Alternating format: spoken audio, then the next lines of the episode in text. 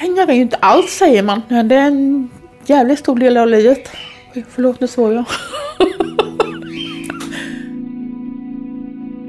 Det är mycket viktigare än man tror att ha pengar.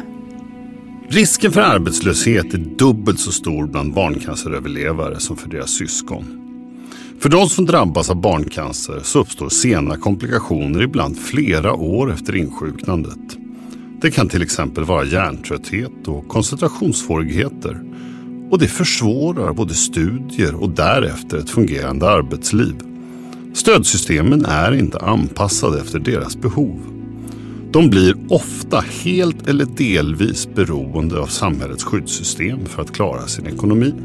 Dela ordet. Dela ordet. Dela ord. I den här podden ska vi prata om möjligheterna för de som drabbats av barncancer att komma in på arbetsmarknaden och vad man kan göra för att underlätta för dem att både bidra och få rimliga ekonomiska förutsättningar att planera för framtiden. Därför har vi bjudit in Laura Hartman, chefsekonom på LO och tidigare bland annat utredare i Tillitsdelegationen. Välkommen! Tack.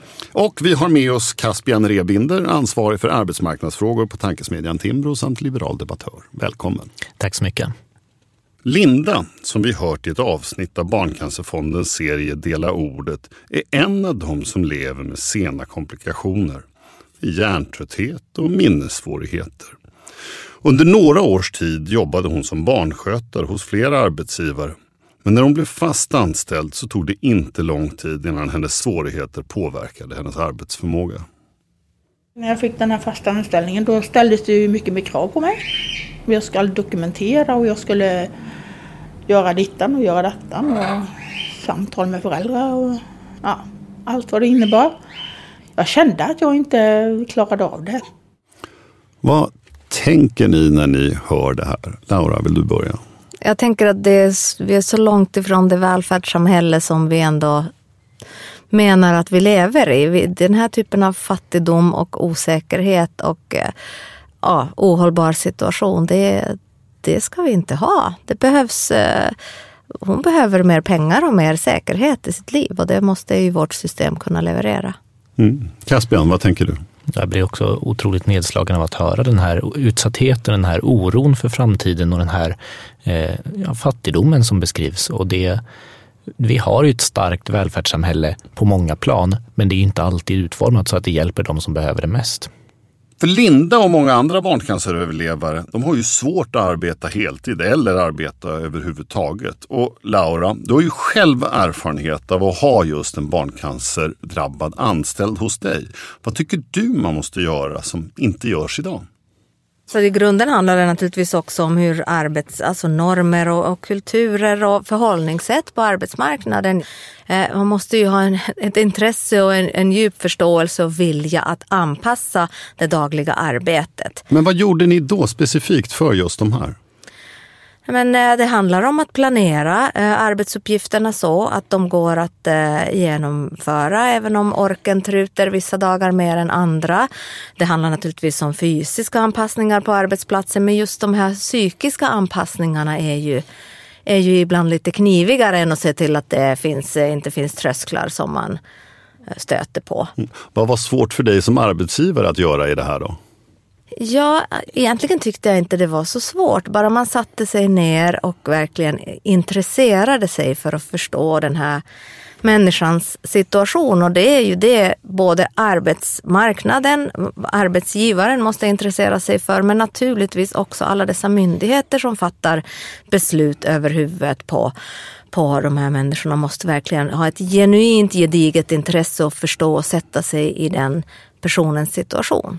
Barncancerfonden har nyligen låtit genomföra en forskningsöversikt av forskare vid Lunds universitet. Och en utmaning i deras arbete var att hitta forskning om barncancer, barncanceröverlevare och deras introduktion till arbetsmarknaden. När det nu uppenbarligen saknas forskningskunskap, vad är det då som Arbetsförmedlingen och Försäkringskassan särskilt behöver göra för att skaffa sig den kunskapen? Jag skulle ändå vända mig lite mot den här bilden att, att kunskaperna saknas. Jag tycker att problemet snarare är att vi har väldigt mycket kunskaper. När jag var på Försäkringskassan under en tid som chef för analysverksamheten tog vi fram enligt verkligen vetenskapens regler en eh, effektutvärdering där vi testade olika sätt att få personer, unga personer med olika funktionsnedsättningar in på arbetsmarknaden. Såg att vissa metoder fungerade bättre än andra och det handlar ju mycket om att att ha arbetshjälpmedel, det handlar om olika SIUS-konsulenter, eh, som uh, supported employment som det heter på utländska. Och det här visade sig sen vara svårt för myndigheten ändå att tillämpa för det kräver resurser, det kräver ett, eh, ja, eh, i många fall just resurser. Och samma sak ser vi nu på Arbetsförmedlingen, att man drar ner på den här typen av personligt biträde, arbetshjälpmedel eller annat som, som vi vet från vetenskapliga studier skulle fungera. Så att här finns alltså en katalog av saker som man vet behöver göras men som myndigheterna faktiskt inte gör. Vad skulle Svenskt Näringsliv, Timbro med flera kunna göra, Caspian? Ja, jag sitter här för Timbro, inte för Svenskt Näringsliv. Nej, men men eh, vill man ha, få in mer, fler människor på arbetsmarknaden så är det absolut avgörande att eh, sänka skattekilar och få, göra det mer lönsamt att anställa fler. Det har vi sett gång på gång i både svenska och internationella studier att eh, både jobbskatteavdraget, earned income tax credit och liknande påverkar ju sysselsättning i väldigt hög utsträckning, ger också väldigt mycket eh, sysselsättning, arbete per offentlig finansiell krona så att säga. Och i somras så förde Barncancerfonden ett samtal under Almedalsveckan, bland annat med Arbetsförmedlingens överdirektör Lars Löv. Han tryckte särskilt på vikten av att göra det lättare för arbetsgivare att anställa personer med olika typer av funktionsnedsättningar. Vad kan man göra för att arbetsgivare ska våga anställa personer med nedsatt och varierande arbetsförmåga. Tycker du Caspian? Det är klart att eh, personer som har överlevt barncancer är en väldigt viktig grupp att få in på arbetsmarknaden. Men det finns väldigt många andra grupper som av olika skäl har nedsatt arbetsförmåga som också förstås är lika ömmande, lika viktigt att få in på arbetsmarknaden. Eh, och att försöka träffa brett för att få, för att få en mer effektiv, mer eh, mer valuta för pengarna men också fler människor på arbetsmarknaden som kan eh, hjälpa till och bidra, då behöver man också breda åtgärder i form av till exempel eh, lägre arbetsgivaravgifter, lägre inkomstskatter, den typen av generella åtgärder. Vi på LO är inte eh, alls inne på någon skattesänkande linje. Tvärtom behövs ju de här skatteintäkterna för att kunna just leverera välfärd. Mm, för det som är utmaningen för många av de som är barncanceröverlevare är just att arbetsförmågan går väldigt mycket upp och ner. Det kan vara upp och ner över dygnet, det kan vara upp och ner över året. Vad behöver man där Laura? Nej, men generellt i socialförsäkringssystemen behövs ju mer flexibilitet. Så att du kan uh, ha, ha en, en ersättning beviljad men ha möjlighet också att ägna när, du, när orken finns, mer tid åt arbete. Det där är fortfarande för krångligt och för fyrkantigt. Många av de här, den här typen av Eh, system för hur man, eller upplägg för hur man kan eh, hantera kanske en, en anställning som är i snitt deltid över tid, men ibland kanske heltid och ibland inte alls. Det finns det utrymme att, att eh, lösa också i kollektivavtal eller enskilda avtal.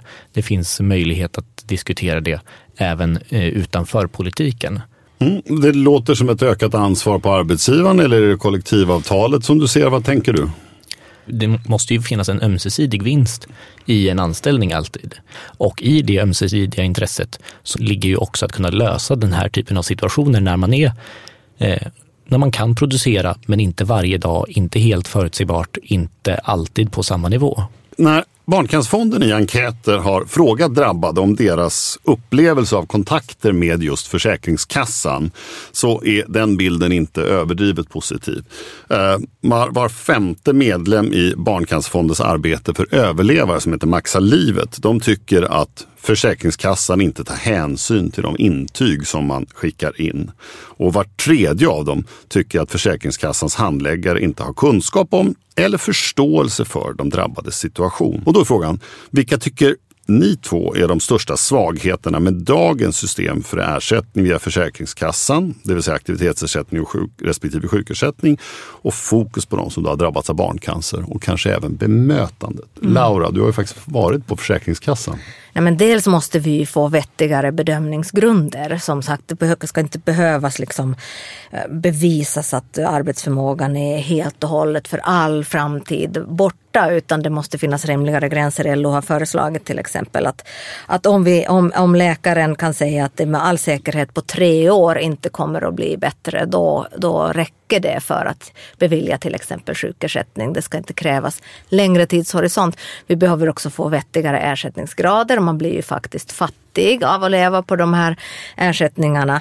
Och sen så behöver man ju helt enkelt se till att inte låta det uppstå en paus. Har du haft aktivitetsersättning under lång tid, då måste du kunna få någon slags åtminstone tillfällig lösning tills du får sjukersättningen prövad. De som vänder sig till Försäkringskassan, inte minst den här gruppen som vi nu pratar om idag, det är på liv och död. Det är små marginaler, det är jätteviktiga besked. Dessutom är man sjuk, mår dåligt, är stressad, har svårt kanske att förstå den byråkratsvenska som man möts av. Så att det är betydligt viktigare och därmed också svårare att skapa det här goda bemötandet. För att man måste verkligen ha en djup förståelse och respekt för den svåra situation som den man möter lever i. Jag tänkte ställa en sista fråga och eh, eftersom vi spelar in det här mitt under brinnande valrörelse eh, så jag undrar vad tycker ni att den regering som tillträder oavsett hur den ser ut eller hur den formas bör göra för att underlätta för de som har drabbats av barncancer för att både kunna bidra och försörja sig och ge några konkreta exempel. Ska du börja Laura? Ja, tre saker vill jag se. Vi behöver äh, återrusta den svenska skolan så att den fungerar även för barn och ungdomar med olika typer av funktionsnedsättningar. Punkt ett. Punkt två. Vänta, jag vill bara ha konkret, hur då? Ja, jag är ju inte särskilt, särskilt förtjust i den konkurrensutsättningen och de privata aktörerna. Vi vet eh, mycket hur, hur, hur svårare det är överhuvudtaget att komma in i de skolorna om du har eh, funktionsnedsättningar och annat. Man rensar snabbt bort. Det är min första. Ja.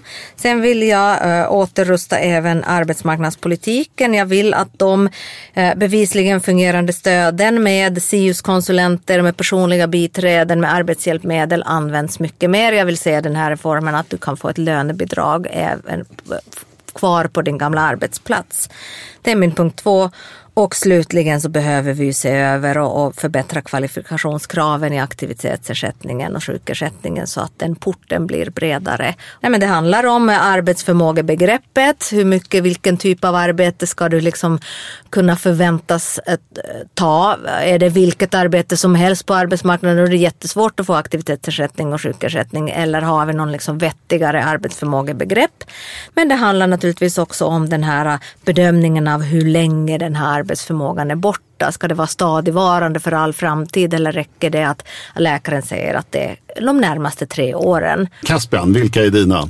Det absolut viktigaste är att eh, fler människor med, med nedsatt arbetsförmåga av olika skäl kan komma in på arbetsmarknaden och för att, för att nå dit så är bland det viktigaste att jobba med skatter, arbetsgivaravgifter och lägre trösklar för att eh, anställa. Eh, så den breda arbetsmarknadspolitiken hoppas jag få se från en regering oavsett politisk färg. Jag skulle också vilja säga eh, att tryggheten i form av förutsägbarhet är jätteviktig, både i form av förutsägbarhet i information man får från Försäkringskassan, i form av att veta att även under övergångsperioder eller prövoperioder mellan ersättningssystem så ska man kunna ha en trygghet. Under processen ska man veta hur processen går till. Man ska kunna planera för hela den processen fram till ett beslut. Och eh, sist men inte minst så är det också utbildningssidan är ju extremt viktig för eh, hela samhället för att man ska eh, ha en välfungerande arbetsmarknad. Och där har ju Sverige en av de bäst fungerande skolorna i, i OECD och eh, det vore väldigt dumt att hota det med, ett, med storskaliga experiment att avskaffa privata aktörer i välfärden till exempel. Men då ställer jag samma konkreta fråga. Det handlar ju om formerna det där, inte innehållet i utbildningen. Vad ser du i innehåll i skolväsendet man skulle behöva göra för de här grupperna då?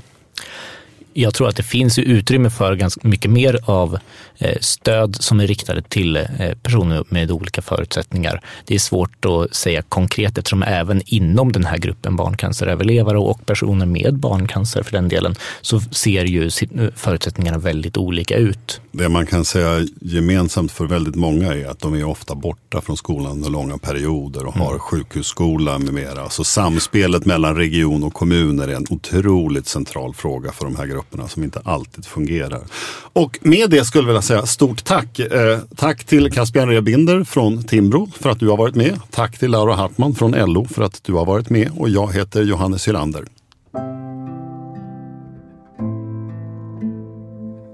Dela ordet, en podcast från Barncancerfonden. På barncancerfonden.se podcast har vi samlat alla avsnitt och mer information om de ämnen som podden berör. Programmet produceras av SMT och ansvarig utgivare är Jakob Munk.